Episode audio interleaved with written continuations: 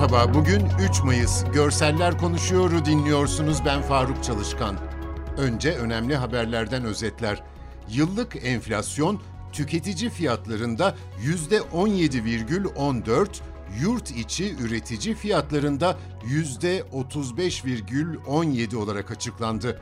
Ticaret Bakanı Mehmet Muş, Nisan ayı dış ticaret rakamlarını duyurdu. Nisan'da ihracatımız %109 artışla 18,8 milyar dolar oldu. Bu tüm zamanların en yüksek Nisan ayı ihracat rakamıdır dedi. İçişleri Bakanlığı 26 Nisan 3 Mayıs'ta sokağa çıkma kısıtlamalarına uymayan 66.161 kişi hakkında adli idari işlem yapıldığını bildirdi.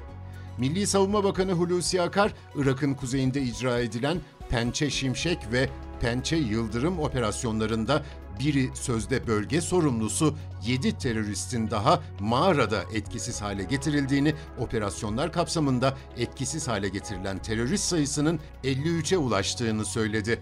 Önce Akar'ın harekatla ilgili verdiği ayrıntıları kendi sesinden sunuyorum, sonra çok çarpıcı görselleri betimleyeceğim.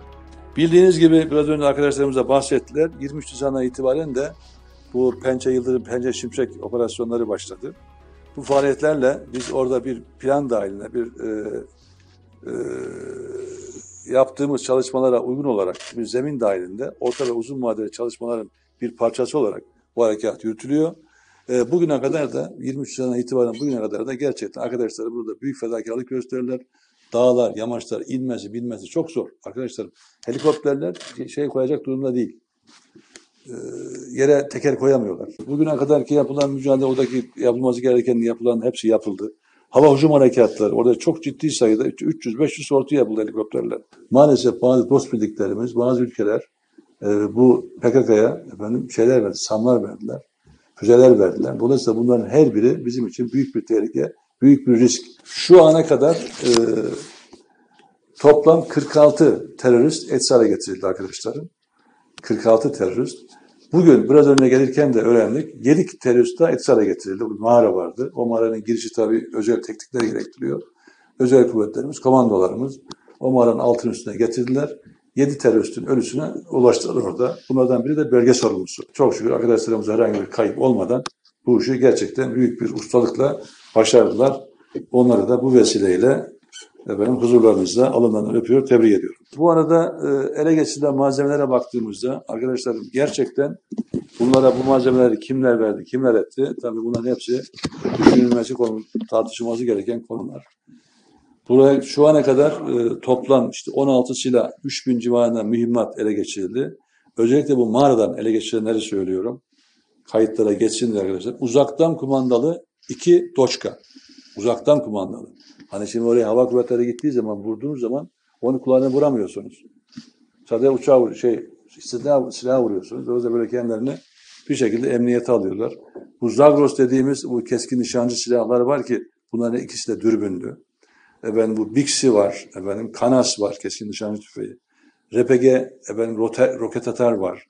Efendim M10, M16'lar var, piyade tüfekleri var. Kaleşnikovlar var. Kaleşnikovlardan da efendim üçü de susturucu var. İşte hangi ne sebepse üçünde susturucu var.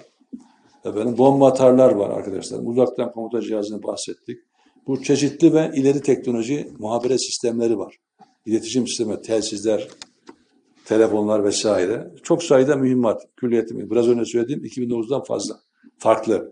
Ve istemedik kadar da bilgi, belge, doküman Milli Savunma Bakanlığı operasyondan fotoğraflar paylaştı ve askerlerimizin hangi şartlarda görev yaptığını bir nebze de olsa bu sayede anladık. Açıkçası bir çukura yukarıdan bakıyoruz gibi. Dikenli çalılar ve meşelik enlemesine yamaca tutunmuş. Kalan boşluk kaya ve çıplak toprak. Dar bir geçiş imkanı var.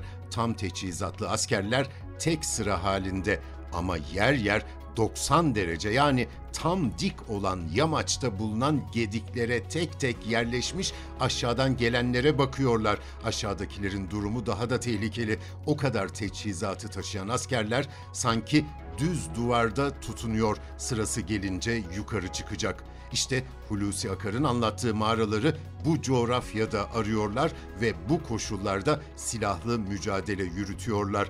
Bugünlük bu kadar. Bizi hangi mecrada dinliyorsanız lütfen abone olmayı unutmayın. Hoşçakalın.